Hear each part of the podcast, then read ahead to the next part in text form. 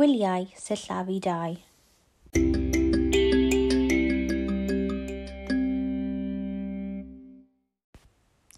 Gyda ffoi, with who?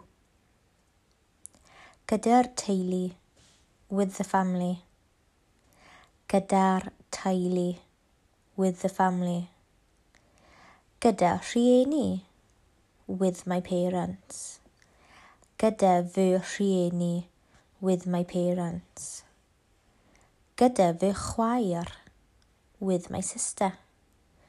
Gyda fy chwaer with my sister. Gyda'r ysgol with school. Gyda'r ysgol with school. Gyda fy ffrindiau with my friends. Gyda fy ffrindiau with my friends. Gyda fy mrawd. With my brother. Gyda fy mrawd. With my brother. Now repeat after me. Gyda'r teulu. Gyda fy rhieni. Gyda fy chwaer.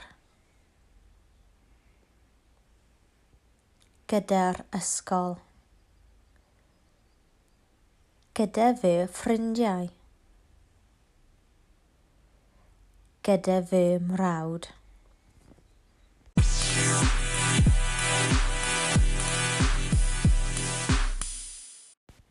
Now it's time to test yourself. Please turn to task 3 in the booklet.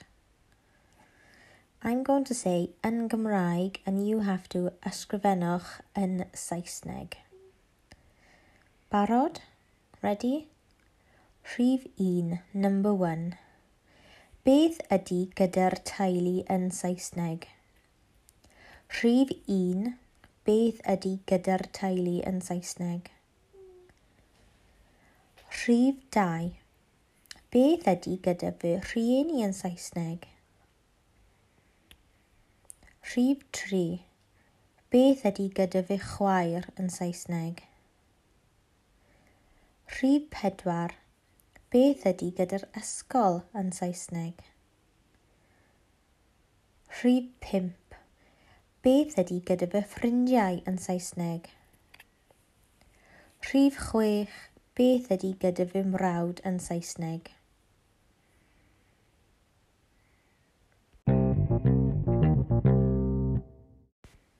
Atebion Answers Give yourself een mark if it's totally correct, or give yourself a hanner mark if it's not quite right but looks like the word.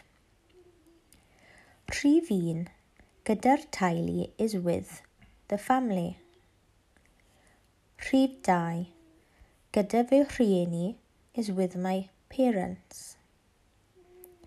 Rhif tri, gyda fy chwaer with my sister. Rhif pedwar, gyda'r ysgol with school. Rhif pimp gyda fy ffrindiau ydy with my friends. Rhif chwech gyda fy mrawd with my brother.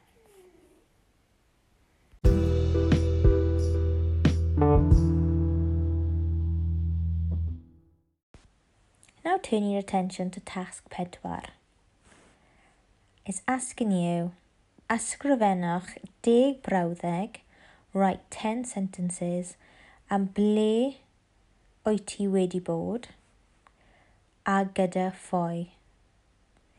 Write 10 sentences on where you have been and with who.